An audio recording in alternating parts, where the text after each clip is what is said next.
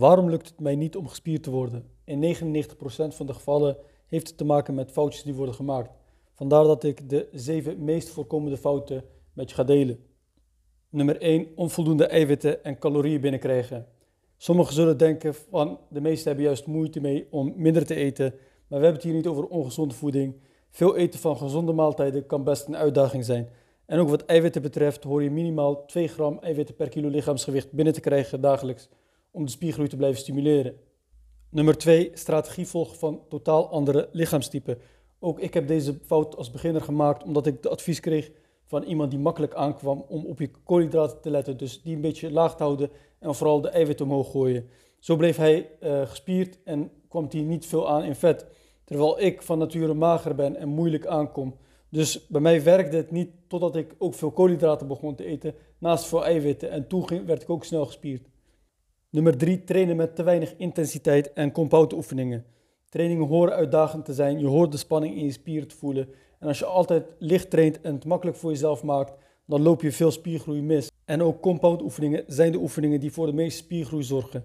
Compound oefeningen wil zeggen oefeningen waarbij je meerdere spieren tegelijk traint. Denk bijvoorbeeld aan squat, benchpress en deadlift. Dus als je deze oefeningen altijd maar overslaat, dan loop je enorm veel spiergroei mis.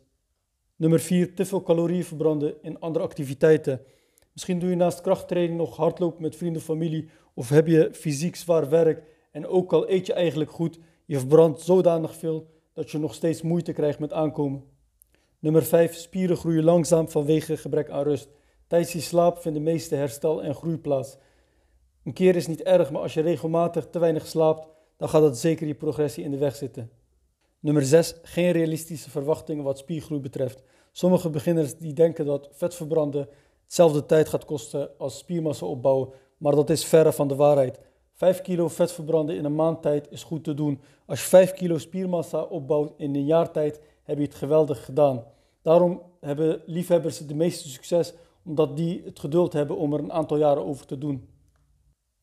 Nummer 7. Supplementen belangrijker zien dan echte voeding. En hoewel supplementen wel degelijk werken, zijn supplementen alleen kanseloos. Zo zijn er bijvoorbeeld supplementen als aminozuren die de voedingsstoffen beter doen opnemen. Maar als er geen voedingsstoffen zijn, valt er niks op te nemen.